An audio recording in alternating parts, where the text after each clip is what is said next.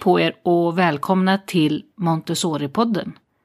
Maria Schacki heter jag och gör denna podd för Montessori Sverige.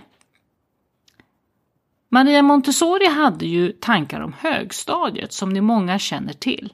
Men det är inte så lätt att hitta en skola som faktiskt fungerar enligt de här tankarna om farm school, som det heter. Men visste ni att den första farm school som startade i Europa faktiskt ligger här i Sverige? I Sätilla, Västergötland närmare bestämt. Jag har samtalat med Jenny-Marie Höglund som är lärare och rektor för denna otroligt spännande verksamhet. Det är verkligen något speciellt de gör och kanske kan detta avsnitt inspirera fler till att våga prova lite nytt. En av de saker de gör där är ju att de odlar. Och nu har jag en efterlysning. Jag vet att det finns lyssnare som är sugna på att dra igång odlingsprojekt på förskolan eller skolan. Så nu vill jag höra från er som redan odlar i liten eller stor skala.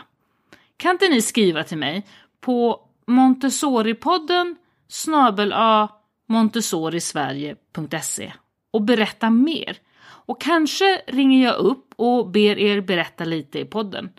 Det är många som vill ha lite inspiration i ämnet. Men nu lyssnar vi till när Jenny Marie berättar hur de jobbar på Farm School i Sättila. God lyssning!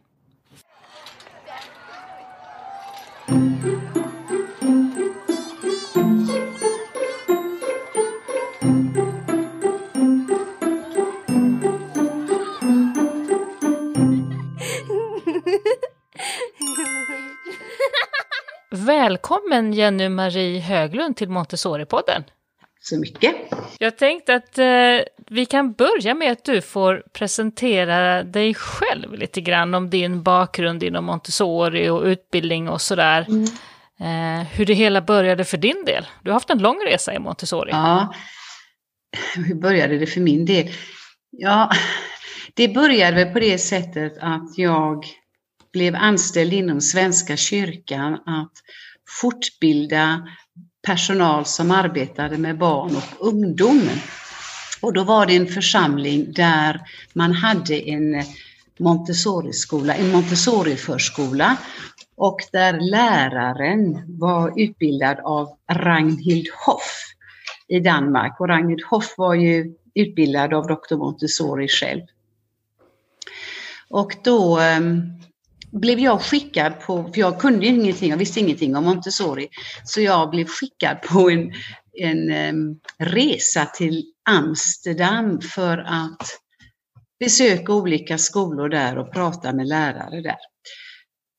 Och när jag var i Amsterdam så under en vecka och då ska man ju veta att, det vet, jag ju nu, det tänkte jag väl inte på då, men Amsterdam har ju en, en egen Montessori, eller ja, Holland har ju en egen Montessori-utbildning. När man går utbildning till lärare så kan man ju liksom välja ett Montessori-spår. Och den skiljer sig kanske lite från den Montessori-utbildningen jag själv har, men det var i alla fall Montessori. Mm. När var detta ungefär i tiden? Detta var 1980, ja. ungefär. Mm. Och då, eh, ja, och då, då var jag bland annat i ett högstadieklassrum. Blev jag, där skulle jag få vara och observera också. Jag observerade olika åldrar. Och då hade jag ju själv erfarenhet från att ha arbetat på högstadiet. Och så var i detta högstadieklassrummet och så och blev tillvisad en stol och där satt jag och jag fick till och med lite kaffe. Och, och efter 30 minuter i det klassrummet så undrade jag fortfarande liksom när läraren skulle dyka upp, för det var ingen lärare. Och, och då började jag fundera över hur det kom sig att, att en hel klass med tonåringar i, kunde sitta och göra sitt arbete och verka nöjda och glada med det de gjorde och läraren behövde inte ens vara där. Därför min erfarenhet från högstadietider var ju att om man lämnade klassrummet för att hämta någonting så hörde man ju hur ljudnivån sakta men säkert steg inne i klassrummet. Det lät nästan som anarki hade brutit ut. Och sen när man kom tillbaka och öppnade dörren så liksom sjönk den igen. Men här var ju alla så nöjda och glada. Och det gjorde mig lite intresserad, eller gjorde mig väldigt intresserad och nyfiken på vad det var. För, för Holland, eller Nederländerna har ju liksom samma kultur som, som vad vi har mer eller mindre och våra ungdomar mm. ju, mm. har ju samma miljö på ett sätt som de i Nederländerna. Ja, så då blev jag väldigt lika nyfiken. på många sätt. Liksom. Också mm. på det jag såg i de andra. Jag, jag var i ett lågstadieklassrum eller 6 till 9 där Eh, jag vet att jag frågar läraren liksom så här, men om du har några disciplinproblem? så här, du vet, man inte, visste ju inte så mycket då, nej. Och då tittade han på mig och sa, disciplinproblem, vad menar du? Ja, om det är någon som liksom gör det de inte ska. Och då fick han ju riktigt tänka efter och sen kom han, ut, kom han upp då med det här fallet om en, ja en gång hade jag en gosse som, som rev sönder ett papper papper och började kasta papperstussar eller satt och sköt liksom, du vet sådär. Med, med mm. fingern smätte de på sina kamrater runt omkring. Jaha, tänkte jag. Så, Jaha, och vad, vad, hände då då? Eller vad gjorde du då då? Ja, då gav jag honom min papperskorg och så gav jag honom en tidning och så sa jag, gör nu 200 pappersbitar, tussa till och så ser du om du kan träffa den här papperskorgen. Och så gjorde ju gossen detta, han började ju då men efter ett 20-tal så hade han ju redan ledsnat och sen var han tillbaks i sitt arbete igen. Och det var ju ett annat sätt än att, att, att, att, att det som i Montessori istället för att förbjuda, vi faktiskt försöker erbjuda någonting annat. Mm. I alla fall. Så stärkt av dessa upplevelser då den här veckan så kom jag tillbaks och sen bestämde jag mig för att, att utbilda mig. Så jag, utbildade, utbildade mig 6 till 12 först i USA mm. och sedan 3 till 6 också i USA.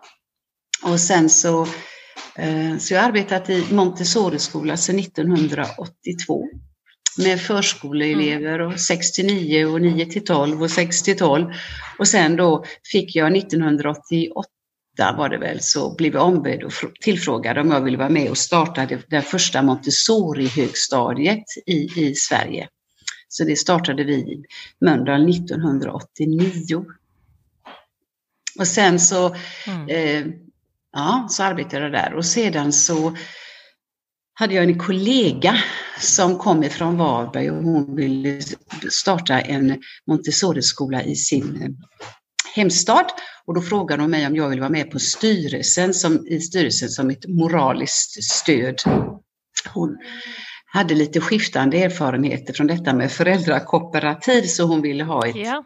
mer lärarkooperativ, eller det blev faktiskt en stiftelse så att det, man kunde hålla en linje och inte den ändrades beroende på vilka föräldrar som var i styrelsen. Så ehm, det gjorde jag. 1994 startade vi den skolan. Och sen när, eh, när Ann-Katrin blev sjuk och hon gick ju sedermera bort så var jag ju den enda då som var ansvarig, juridiskt ansvarig för skolan. Så då, då ehm, började jag arbeta där också i Varberg. Jag hade ju skött mm. ekonomin för skolan hela tiden men, och sen har jag varit i, i Varberg hela tiden och så har vi då startat en, en farmskola för våra ungdomar. Och sen har jag väl sen har jag varit utomlands i två vändor, en i USA och en i Italien för att under fyra år då utbilda mig som metodiklärare. Så jag är metodiklärare för IAMI för 6 till 12 och för 12 till 18. Och förra året startade vi den första AMI diplomkursen för 12 mm. till 18. Så det blir jätteroligt för det har vi inte haft något AMI-diplom för innan men det har vi nu. Så det, blir, så det är väldigt spännande. Ja, så du är helt mm. enkelt eh, utbild, trainer, eh, utbildare i AMI för just den här åldersgruppen? Så 6 till 12 trainer blev jag för, ja, det är många år sedan nu men, men, men 12 eh, till 18 blev jag förra året. Mm. Ja, härligt. Mm. Och, och nu har ni då den här lilla Farm School då eh, i Varberg, eller strax utanför Varberg om man förstår ja, det sju, sju mil ifrån Varberg. Okej okay då, det är en bit. Eh, och jag tänker för de som inte riktigt känner till Maria Montessoris plan och tankar kring just den här åldersgruppen, mm. högstadiet. Vad, vad var tanken? Hur, hur, hon hann aldrig riktigt utveckla det där, utan det blev Mario som fick... Nej, hon kom ganska... Hon har skrivit mer om det än man tror, tror jag. Tror jag. Mm. Det, det, svårigheten ibland är ju att, att eh, allting är ju inte tillgängligt och allting är inte översatt till engelska och då blir det väl lite svårtillgängligt för, för oss. Mm. Men hon... Um, tanken är ju, om man tänker på hennes fyra utvecklingsstadier, så om man nu känner till de här så vet man att de två första har ju med, med, med barndomen att göra, childhood. Och sen det är upp till 12 år och sedan från 12 år uppåt då så pratar Maria Montessori om adulthood. Och då säger hon ju att för de här tonåringarna, de här 12 till 18 år, att deras uppgift är ju att delta i, i arbetet i en social organisation, i ett, liksom ett samhälle, men också att, att eh, göra vux, känna på vuxenarbete. Vad det tar att bli vuxen, därför de är ju på väg. När, när, de, när de kliver in i tredje utvecklingsstadiet så är det ju liksom en återfödelse, säger Montessori då. Lite svårt ibland att översätta orden här, men, men i alla fall. Mm. Och då är det, ju, är det ju så att de föds till en, återföds till en ny social varelse, skriver hon faktiskt. Den som ska bli en vuxen och ge upphov till nya generationer i sin tur. Och det är för det då hon menar att de behöver en miljö för att pröva på detta. Att i en förberedd miljö få pröva på vad det är att, vad det kan vara att vara vuxen och vilket, vilket ansvar som följer med det, vilka val man behöver göra, vad det man är man behöver tänka på. Så att när man sedan går ut i den oförberedda miljön, man, man inte kommer liksom tomhänt utan man kommer med, med, erfarenheter och förståelse för hur ett samhälle fungerar, hur man bidrar till ett samhälle, vad man har för friheter, vad man har för rättigheter men också vad man har för skyldigheter. Och det har de ju tränat på hela livet. De små barnen också och de som grundskoleeleverna men här blir det ju med andra konsekvenser när de bor och lever tillsammans och där, den, och där de själva får fatta beslut och liksom äga sin miljö. Det är inte så att, att det är den vuxna här som styr och bestämmer utan det gör ju de tillsammans och den, stött, den vuxna arbetar sida vid sida med eleverna. Vi är liksom inte lärare, elev, ehm, utan vi, vi, vi arbetar med dem. Visst var det så också att bortsett från det här då som du säger då, förbereda för den oförberedda miljön och att man behöver ha med sig, så var det väl också så, jag tänker på ämnen och så, att hon lite grann visste det varje tonårsförälder vet, att tonåringar är inte så pigga på att gå upp på morgonen och, och plugga mm. faktakunskaper. Det, det, Precis. De, de, de sover och vill göra annat, och det har, så, har tonåringar varit i alla tider. Jo, helt riktigt. Och, och, och det är ju det, det praktiska arbetet som tilltalar de yngre tonåringarna mest. De här 12 och 13-åringarna, de, de blir mer och mer, de är mer tilltalade av det praktiska arbetet. Men det, när de arbetar på sin miljö så är det ju samtidigt så att de förstår att de behöver en viss kunskap för att göra det. De behöver viss information. Och varje arbete är ju också en informell eller eh, tillfälle för att lära sig någonting. Det är bara att man, kan, man lär sig att räkna aria därför att man behöver veta hur mycket färg man ska köpa för att kunna måla en laggårdsvägg. Men det, det, det, det, och det räknar de ju då därför de måste veta det för att kunna köpa rätt mängd färg. Men det är helt annat för dem att göra det på det sättet än att få den uppgiften i en mattebok. Så de löser ju jättemånga problem men det är ju, och uppgifter hela tiden, men det är bara det att Det är, inte, det är, det är uppgifter och problem som kommer ur verkliga livet och där de själva är i sin vardag. Det är liksom inte problem som, eller uppgifter som jag har suttit hemma på kvällen och funderat ut och undrar vad jag ska ge dem för uppgift imorgon eller vilken lärobok de ska använda med. Men de gör ju allt det som egentligen står i läroplanen, fast de gör det på ett annorlunda sätt och med en annan förståelse tror jag varför de också behöver kunna och veta. Sen är det intressant att veta också att när de blir äldre, de här ungdomarna, så vänder kommer det här intresset för studier tillbaka och då studerar de, fortsätter att göra sina praktiska sysslor men ägnar mer och mer tid åt, åt det som vi kallar kanske skolarbete då, för de tycker det är viktigt, för de har också förstått att ska man gå ut i livet så gäller det att vara beredd och det gäller att liksom vara rustad med, med kunskap och, in, och information så att man förstår världen som man kommer ut i och kan ta del av den på ett bra sätt. Mm. Hur, hur, har ni gjort hos er? Hur ser det ut hos er rent praktiskt? Ni har en lokal en bit ut på landet. Hur många elever har ni i åldrarna? Ja, så det varierar ju från år till år, men vi har elever från, vi har från 12 till 16 år. Mm. Och sen varierar det. Just nu är här nio stycken som bor här konstant, även på helgerna. Okej, så mm. ni har internat helt enkelt? Jajamensan. Mm. Jajamensan. För alla? Men sen ibland har vi haft att de har haft en grupp som har bott här konstant och så har vi haft en del som kommer bara över dagen och går i skola över mm. dagen men åker hem. Det beror lite på var man bor och vad man har. Men just nu har vi nio stycken som bor här konstant. Mm. Mm. Hur, hur, gör ni med det då, eh, tänker jag, om ni har internat för de här med, med skolavgifter och så, hur fungerar sånt rent praktiskt? Nej, den svenska, alla, alla svenska elever har ju en, eh, en um, skolpeng som de tar med sig. Mm.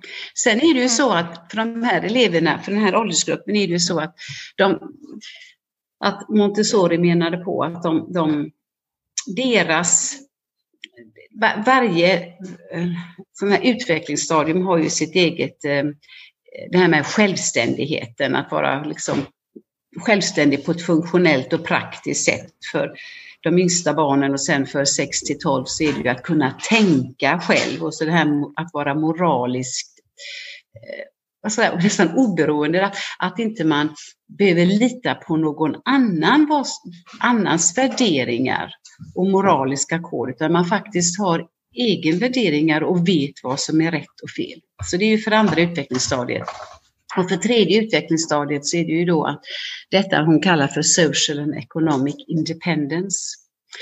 Och då för att bli ekonomiskt självständig så, så är det ju så att eleverna här hon menar ju på att alla då, alla, alla i den här åldersgruppen behöver känna, veta vad det, vad det krävs för att arbeta för att kunna ansvara för sin egen ekonomi och för att kunna försörja sig själv. Så eleverna här, de arbetar ju och producerar dels saker i trädgården, eller dels ja, som potatis och grönsaker och så har de honung, säljer mycket honung och sen gör de också saker i träslöjden och så vidare som de, de säljer.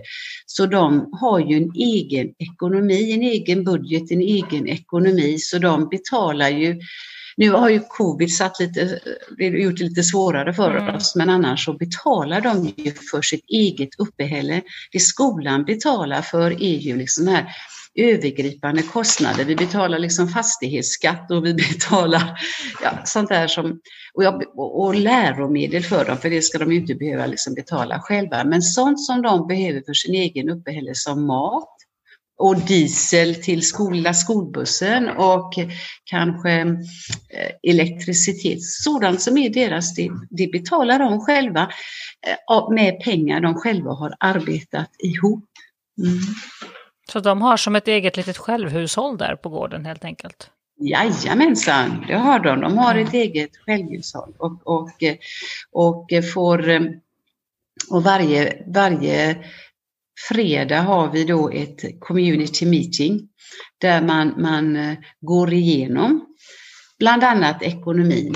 Det är ju, det är som ett klassråd, men det är, väldigt, det är väldigt formellt. Det är ju liksom en ordförande och sekreterare.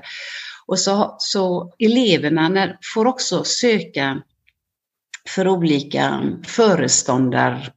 uppgifter Så man kan bli föreståndare för djuren eller för trädgården eller för ekonomin. Och då skriver de en, en eh, ansökan och sen blir de då intervjuad av två vuxna, beroende på vad det gäller. Är det någon som söker för att bli föreståndare för, för djuren så är det ju då vår liksom, gårdsförman, eller vad vi ska säga, som arbetar med djuren med dem, som, som intervjuar plus en annan vuxen. Så får de, blir de kallade till intervju och så får de berätta varför de vill göra det, detta och så får de vänta på att se då ifall de får det här arbetet eller inte. Så att alla dessa olika föreståndare, de lämnar ju rapporter då på det här föreståndar eller på det här community meeting, hur, var de ligger till ekonomiskt och vad de behöver hjälp med, vilka planerna är och så vidare. De är bara föreståndare så de koordinerar arbetet. Det betyder inte att de sköter djuren själva, för det gör alla tillsammans. Men de har ett extra ansvar för en viss del av den här gården kan man väl säga. Det går vi igenom varje fredag. Hur mycket djur har ni? Vad har ni för djur? Ja, det, det är kor. Det är kor, det är getter, det är grisar, det är ankor. Just nu är det bara en gås och så är det katter. Mm. Och djuren som de har är eh, land, svenska lantraser. Så att sådana lantraser som annars skulle bli utrotade om inte, för, mm. om inte de, eh, någon tog, tog sig an dem, därför de är ju inte liksom så produktiva som dagens kor som är liksom som är, vad heter det, de är på så manipulerade, men det får man inte lov att säga, men som, som Lite mer avlade. Vad heter det? When they have ja, de är avlade heter det, för... till att ge mm, mer mm. ge mjölk eller kött eller vad det nu är. Det är ju inte dessa mm. Lite högre djuren vi har. Utan, mm. Och så, precis, så de, de är ju självförsörjande på, på kött. Vad har ni stött mm. på för hinder, tänker jag? För när man, jag menar, vi är ju många Montessori-lärare som ju så att säga, har lärt oss om det här, om, om School, ett Kinder och hela den här idén. Och så läser vi de svenska läroplanerna och kursplanerna och tänker, åh nej, usch, det här, hur ska vi få till det här? Det här låter jättekrångligt. Eh, vad har, hur har ni löst det? Vad har, vad har ni stött på för hinder kontra de svenska så att säga, styrdokumenten? Och hur har ni löst det? Skolinspektionen har varit här tre gånger. Mm. Och första gången de kom, så blev, första gången skolinspektören kom så blev hon lite Ja, hon visste inte riktigt hur hon skulle förhålla sig till detta.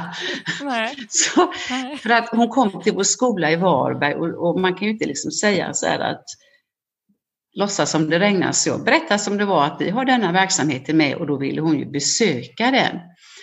Och då, och då kom hon. Och då var det ju elever som bodde här och då, då ehm, ja, så det visste hon inte riktigt hur hon skulle tolka. Men för hon, så hon, hon hade samtal med dem och så vidare och, och det var lite intressant för de berättade efteråt för mig, de, de, de, ehm, hon hade frågat dem om det var något religiöst detta. Ja. Mm. Hon, det var lite, hon tyckte det var lite sektvibbar ja, där. Liksom, som, precis, ja. hon var, var nog lite orolig för det. Så hon var, var, hade frågat dem lite mm. om det var några sådana inslag. Men det hade de ju sagt att absolut inte. Men och sen sa hon till mig att jag får komma tillbaka, sa hon, för jag, jag vet inte hur jag ska göra här. Så hon kom tillbaka med en jurist mm. från Skolverket. och så kom de och tittade på detta. Och så Ja, så försvann de igen. Och sedan så skrev hon, ett, så, så skrev hon eh, och då hade både hon och juristen tittat på detta i förhållande till läroplanen och skollagen. Och då hade de kommit fram till, och det var ju väldigt trevligt för föräldrarna att få reda på i alla fall, och för oss mm. också, hade hon ju kommit fram till, de kommit fram till att vi verkligen vi verkligen efterlevde faktiskt läroplanen på ett väldigt mm. konkret sätt när det gällde att förbereda barn för, för ett liv, ett för samhället, vad ett samhälle är för, demo, för demokrati, demokratiska värderingar och fatta beslut. Och, ja, så det var väldigt, väldigt, eh, mm. så det var väldigt roligt för oss. Så det tackade jag henne för, för, det var, det, för att ja, det var ju lite värdefullt för oss att få höra det. Ja, verkligen. Och sedan hände detta lustiga att hon, sen skrev hon ett e-mail och så skrev hon så här att nu får du inte bli ledsen men jag kommer inte till att skriva det i rapporten, sa hon. Men, men vi står fortfarande fast vid det vi sa. Och, och, anledningen till att hon inte kunde skriva detta i rapporten var att de hade pratat om detta på Skolverket. Men, efter, och, men om hon skrev liksom om, om förtjänsterna med den undervisningen vi bedrev här, eller det livet vi bedrev här, så, så var de lite oroliga för att andra kanske skulle starta precis likadant. Och det visste de inte riktigt hur de, om de än kunde hantera, för de hade ju aldrig inspekterat något sånt här tidigare och om det då blev fler som tänkte att de skulle göra likadant, då var de ju tvungna att kanske förbereda sig bättre för sådana alternativ och det hade de inte hunnit göra än. Så, så då sa han, så jag skriver inte det i rapporten. Och sen, sen kom de ju tillbaks tre år senare igen då och, och intervjuade elever och, och så. Men de men vi har, vi, har, så vi har aldrig fått en anmärkning på det, på det vi gör här. Sen hade vi också turen att vi hade en, en forskare från Svenska lantbruksuniversitetet, eller från Statens lantbruksuniversitet kanske det heter, men, men ehm, som kom hit, hade läst om oss i en tidning, i tidskriften Land, tror jag det var, och, och frågade om hon fick komma och hälsa på. Så hon var här i tre omgångar och besökte eleverna, bodde här med dem och levde och, och arbetade med dem. För hon höll på med en, forsk, en forskning som hette Gården som pedagogisk resurs. Och då, då jämförde hon vår skola med andra skolor som också hade lite natur på schemat. Och så hon mm. intervjuade eleverna och det var frågeformulär och hon videofilmade och det var ditt och datt. Men, så hon kom och berättade om sin rapport också för föräldrarna, så det var ju väldigt hjälp för oss också. Därför det visade sig då att de eleverna som lyckades bäst hos oss var de som tillbringade mest tid på Farmschool, vilket var intressant. Mm. Och eleverna tyckte att lärarna var mycket mer engagerade när de var med dem på farmskol eller i den här vanliga klassrumsmiljön. Det var ju också lite intressant. Mm. Hur, jag tycker det, det har ju funnits tendenser, tydliga tendenser de senaste åren i skolvärlden att saker och ting blir mer och mer detaljstyrt för ja. oss. Eh, att att vår frihet, vårt handlingsutrymme har ju beskurits ja, för varje år som går, kan man ju tycka. Mm. Eh, med, med behörigheter i olika ämnen och det vet jag brukar bli lite extra krångligt på högstadiet när man har moderna språk och estetiska ämnen och allt sånt där. Mm. Eh, och betyg och hela det här. Hur, hur löser ni sådana såna pålagor och detaljer? Nej, vi, vi, eh, vi, vi, har ju på det, på det sättet att de, de så här är det ju att, nu får jag ta en liten annan bakgrund här, men det är ju så här att, att mm Montessori beskriver ju till exempel att ett, ett, barn upp till 12 år, barnets arbete, man kan läsa om detta i Secret of Childhood, är ju att konstruera, bygga sig själv som individ, detta med self-construction, eller hur? Och, och, och, det är barnets arbete. Men en vux, det skiljer sig väldigt mycket för, från en vuxens arbete, för en vuxens arbete är ju att arbeta på miljön det Montessori kallar för supernature. Den här, den, det som människorna har byggt eller gjort eh, som inte är där av, av eh, naturligt som vi har tillfört. Och det, det, är liksom vuxnes uppgift och sen är den vuxens så uppgift att, att göra det på ett ansvarsfullt sätt mot vår planet och så vidare.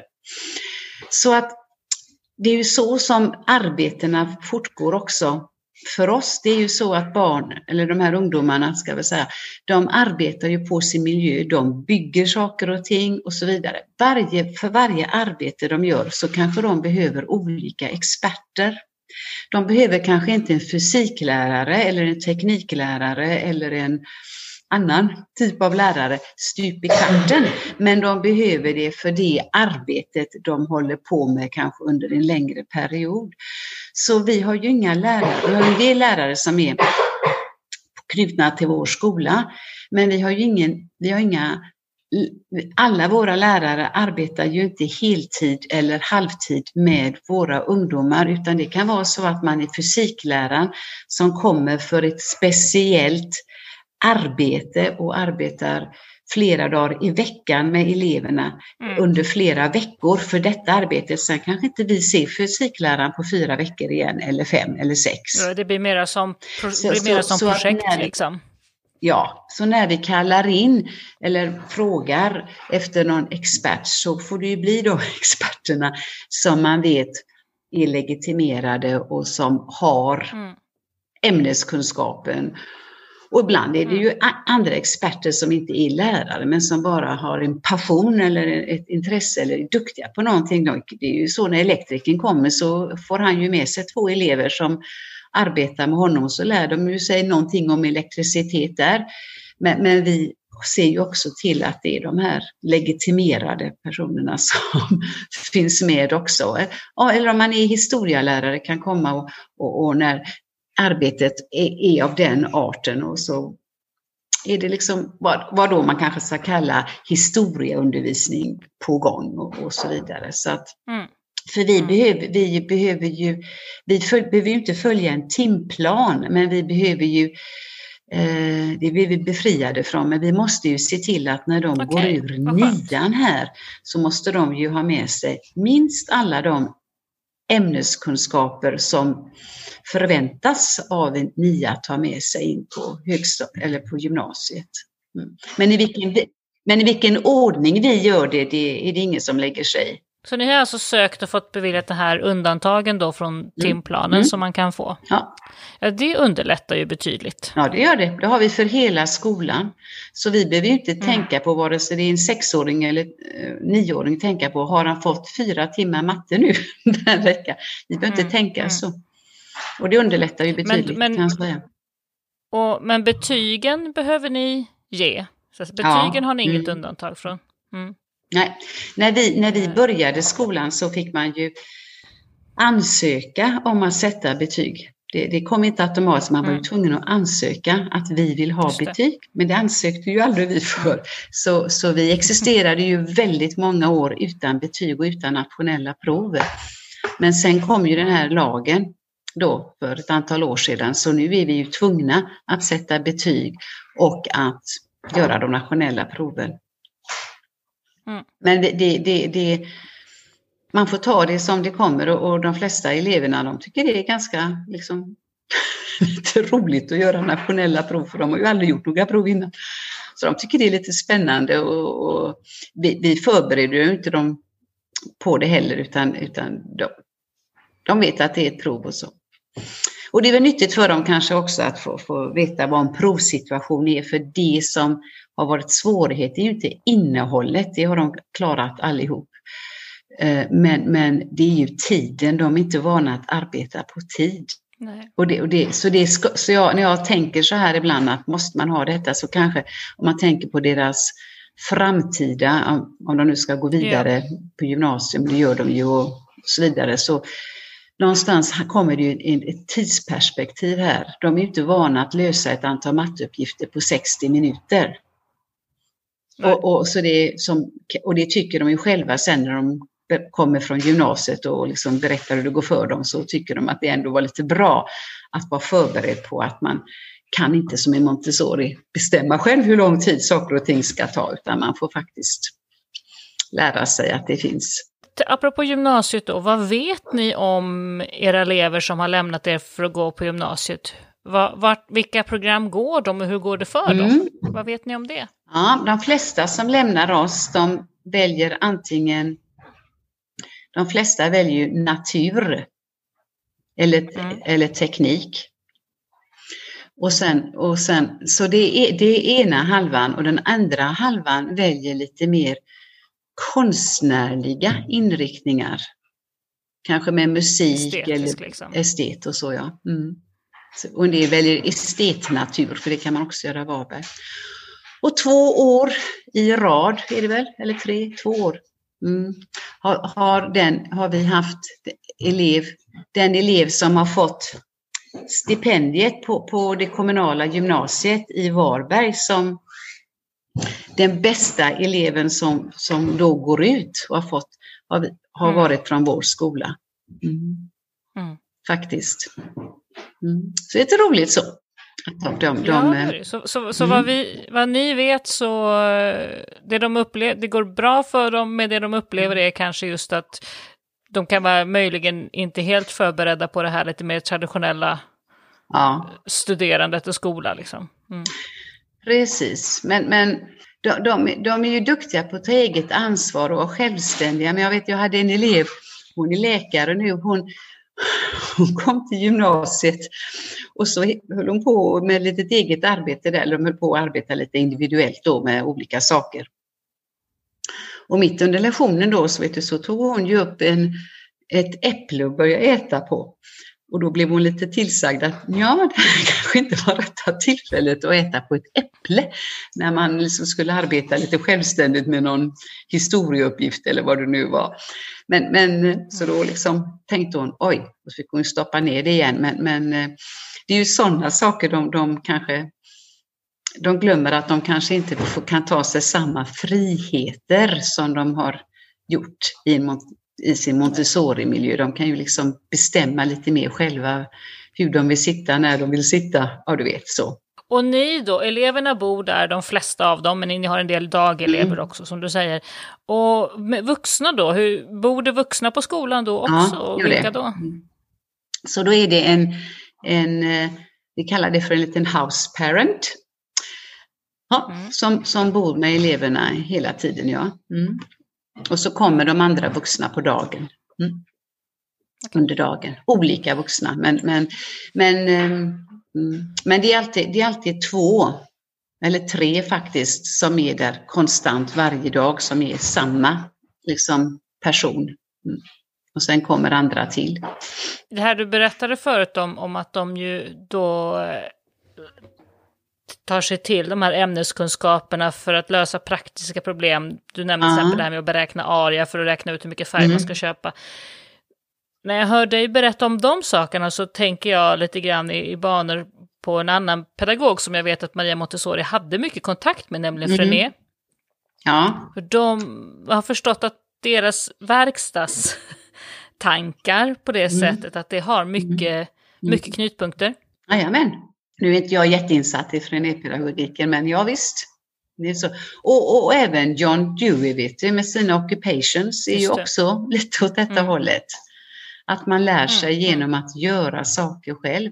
Och om du tänker, om man tänker när de, när de, när de allt det arbetet det de gör, när de planerar, organiserar, Ska man bygga någonting så får man söka byggnadslov.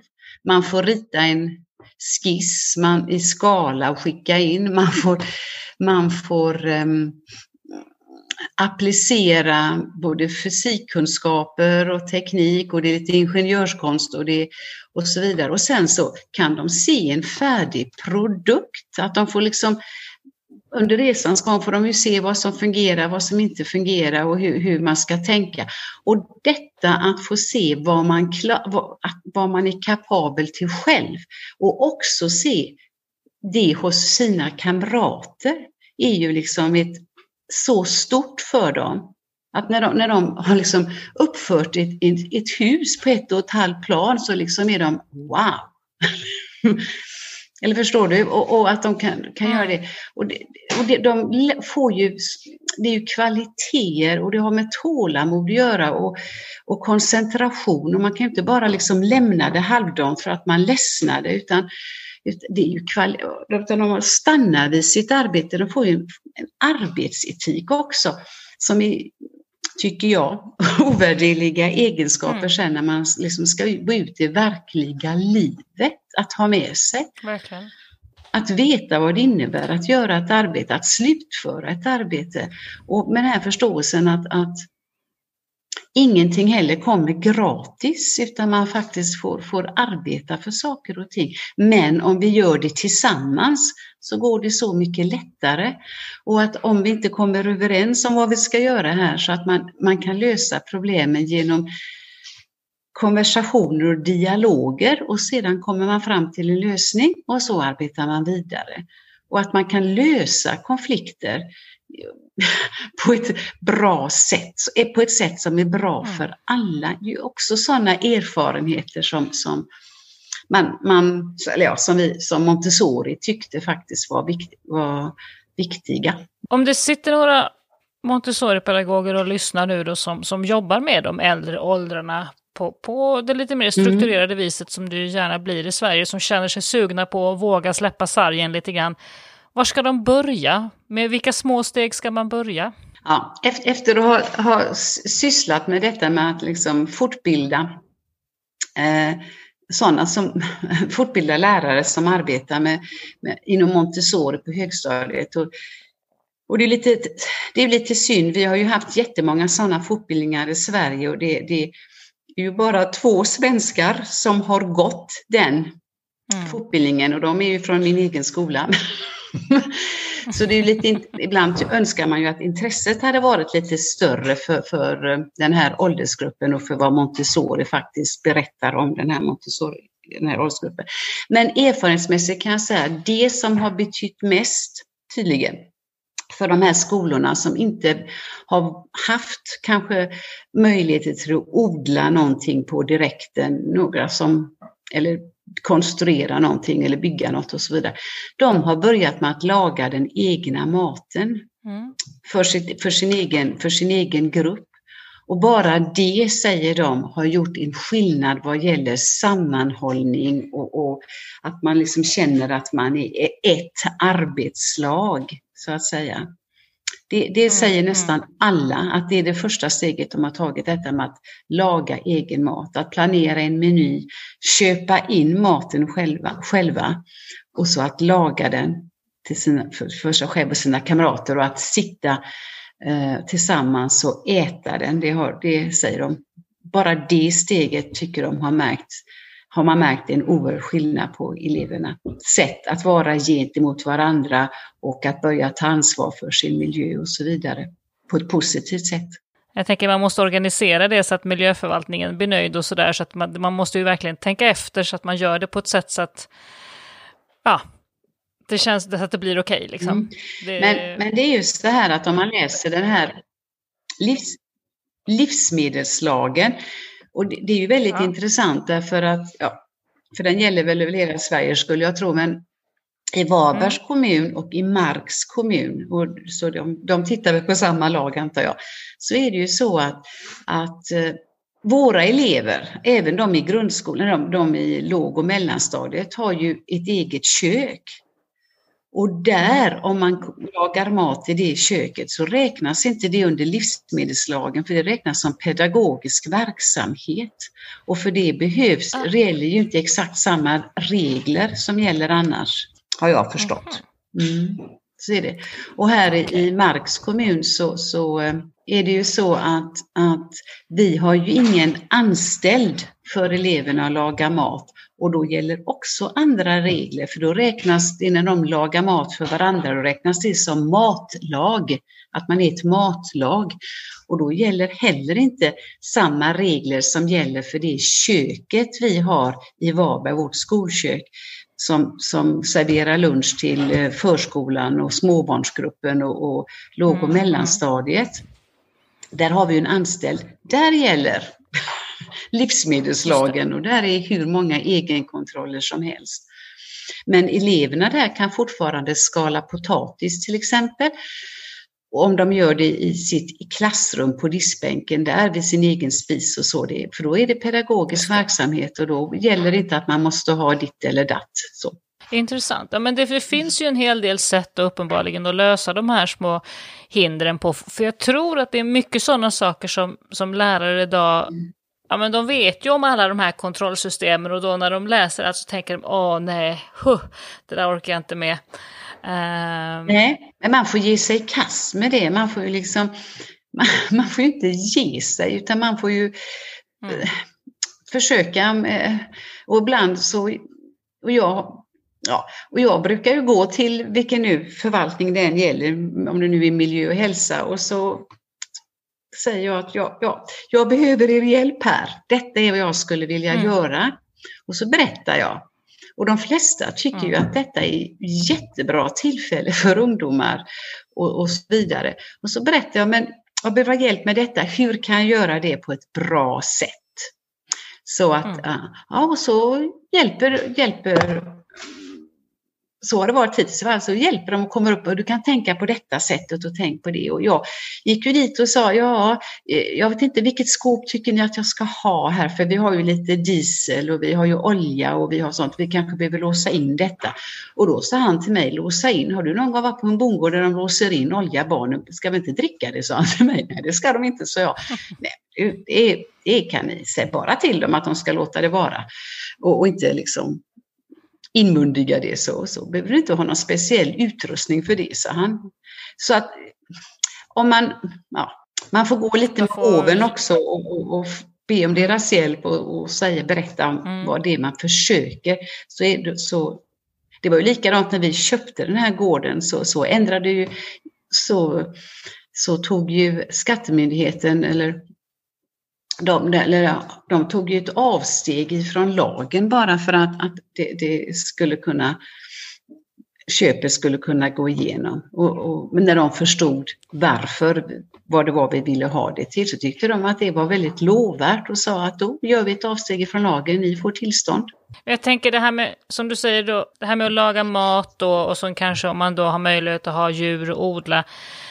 Eh, men jag tänker att det som kanske då lärare som är sugna på att prova på det här måste göra är väl den här tankevurpan lite grann att, att våga tänka att, att barnen lagar sin egen mat. Det är ju inte att de helt plötsligt har en massa extra timmar hemkunskap, utan det är ju att de har matte när de räknar recept. Att de att börja tänka på vad är det, att börja, börja tänka lite bredare timplanemässigt. Det är väl det som är kanske den största utmaningen. Helt, helt, helt riktigt. Och det är ju mycket kökskemi, vet du. Mm. Så det är många, många, många ämnen som, som, eh, som eh, ingår allt i detta bara genom att liksom leva det dagliga livet. Mm. Så man, precis. Mm. Men jag, jag, jag, har också haft turen att, att träffa många lärare de, de, som brinner för sina ämnen och som också har haft förmågan att omsätta um, det de ser eleverna gör ute eller inne till den ämneskunskapen som eleverna ändå ska ha med sig. Alltså man måste nog vara ganska så trygg som lärare att, att våga, våga lita på sitt omdöme att men det här är faktiskt de här, det här är, hänger ihop med kursplanen i de här ämnena jag vet det. Och Pre vågar köra. Precis. Mm, precis. Så är det. Och se möjligheterna i att, att göra saker, att ar arbeta med, med eleverna. Även om man är mattelärare, arbeta liksom i trädgårdslandet eller någon mm. annanstans. Men, men, eh, mm. Vilka andra sådana här skolor som arbetar enligt den här principen känner du till i världen? Finns det någon mer i Europa till att börja med? Ja, det är ju det som är så roligt. Först, först, den första skolan som började i denna riktningen, det var ju den som ligger i Cleveland, Ohio, Hershey, har du kanske hört talas om? Hershey Montessori School. Mm. Mm. Men, men det är ju ett sånt där projekt vet du, på ett antal miljoner och det var det inte tal om här kan jag säga. Vi hade ju inte alls dem. De har ju en skola som har kostat en 50 miljoner eller något, någonting ditåt. Det var inte tal om här. Ehm, men sen, sen kom vi som nummer två då och först liksom i Europa. Mm. Och sen har det varit väldigt roligt tack vare de här tror jag, fortbildningarna vi har haft här och så vidare. Så att nu har intresset vuxit så att i Europa nu tror jag väl att vi är minst sju skolor oh. som Montessori-skolor, om inte åtta, eh, som, ar, som, som är på on the land with residential. Mm. Mm. Och det är ju jätteroligt mm. att det ja. Mm. Så, så vi, vi mm. Så vi, vi, har ju, vi har ju ett, ett väldigt nätverk och samarbetar mycket sinsemellan. Så det är också roligt för eleverna för då kan de ju besöka varandra och så. Mm. Så det växer, det är på, på stadigt kan jag säga. Och det är jätteskoj. Mm. mm. Härligt. Ja men det behövs mm. verkligen. Som, som en mm. motvikt i de här tiderna när, när utvecklingen går mot mer och mer detaljstyrning och likriktning så är det väldigt väl. Ja det är det. Och det, det, det är också det är också en miljö som är till för alla. En del, man ska också tänka så här att en del elever är ju helt borttappade i en miljö där allting handlar om pennor eller teknologi, eller att, att mm. skriva mm. och böcker och papper och så. En del, en del mm. behöver också det här, det här praktiska, att konkret se, precis som Montessori jämför ju detta med de små barnen som behöver de här sensoriella materialen för att förstå världen. Så behöver ju ungdomarna också något konkret för att förstå världen och samhället, hur det fungerar. Mm, mm. Så är det. Och, och, och det, det, i, ett, i, en sån här miljö så där alla kan bidra oavsett vem man är och vad man har för talanger och kunskaper och så vidare. Där, där får ju alla känna på att de har någonting att bidraga med. Man kanske inte är bäst på matte men man kan hjälpa någon när, när inte gräsklippan startar för man är praktiskt lagd och kan, kan förstå sig på motorer. Det får man ju inget riktigt betyg mm. för, men, men, men, men, känslan av att också veta att jag är viktig för, för den här gruppen därför att jag har, kan saker som de andra har, kan ha nytta av.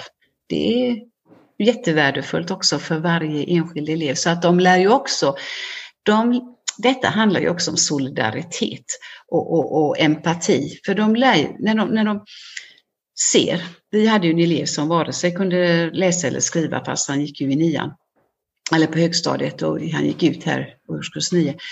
Uh, han kunde då läsa och skriva hjälpligt, men han var ju den första som kunde köra liksom traktorn. Han var den första som, som mm. kunde fixa en motor på gräsklippan. Han kunde så mycket annat. Och det är ju jättenyttigt för de andra eleverna att få se att alla är duktiga på något. Det, ingen är liksom, behöver vara en medelmåtta utan alla har ju någonting. Det, det är ju ett sätt att man hoppas att de kan få med sig att se på sina med, medmänniskor, att vi alla har olika talanger. Vi alla är duktiga på olika saker. Och, och sen har vi också sådana saker vi inte är riktigt bra på och då behöver vi lära oss strategier att kompensera för det. Men, men eh, mm, alla har, är viktiga för oss. Och det tror jag att de, eller jag är ganska övertygad om att, att de upplever här och det är det oftast de brukar nämna också när de har sina avgångstal sådär. Så, så är det ju de sakerna. Mm ansvar och självständighet och detta med kamratskapen. Jag tror att det börjar bli dags att avsluta där. Tack så jättemycket Jenny-Marie för ett spännande samtal. Det var jätteintressant att få höra om er jättefina farmskol. Tack så mycket själv. Tack så hemskt mycket.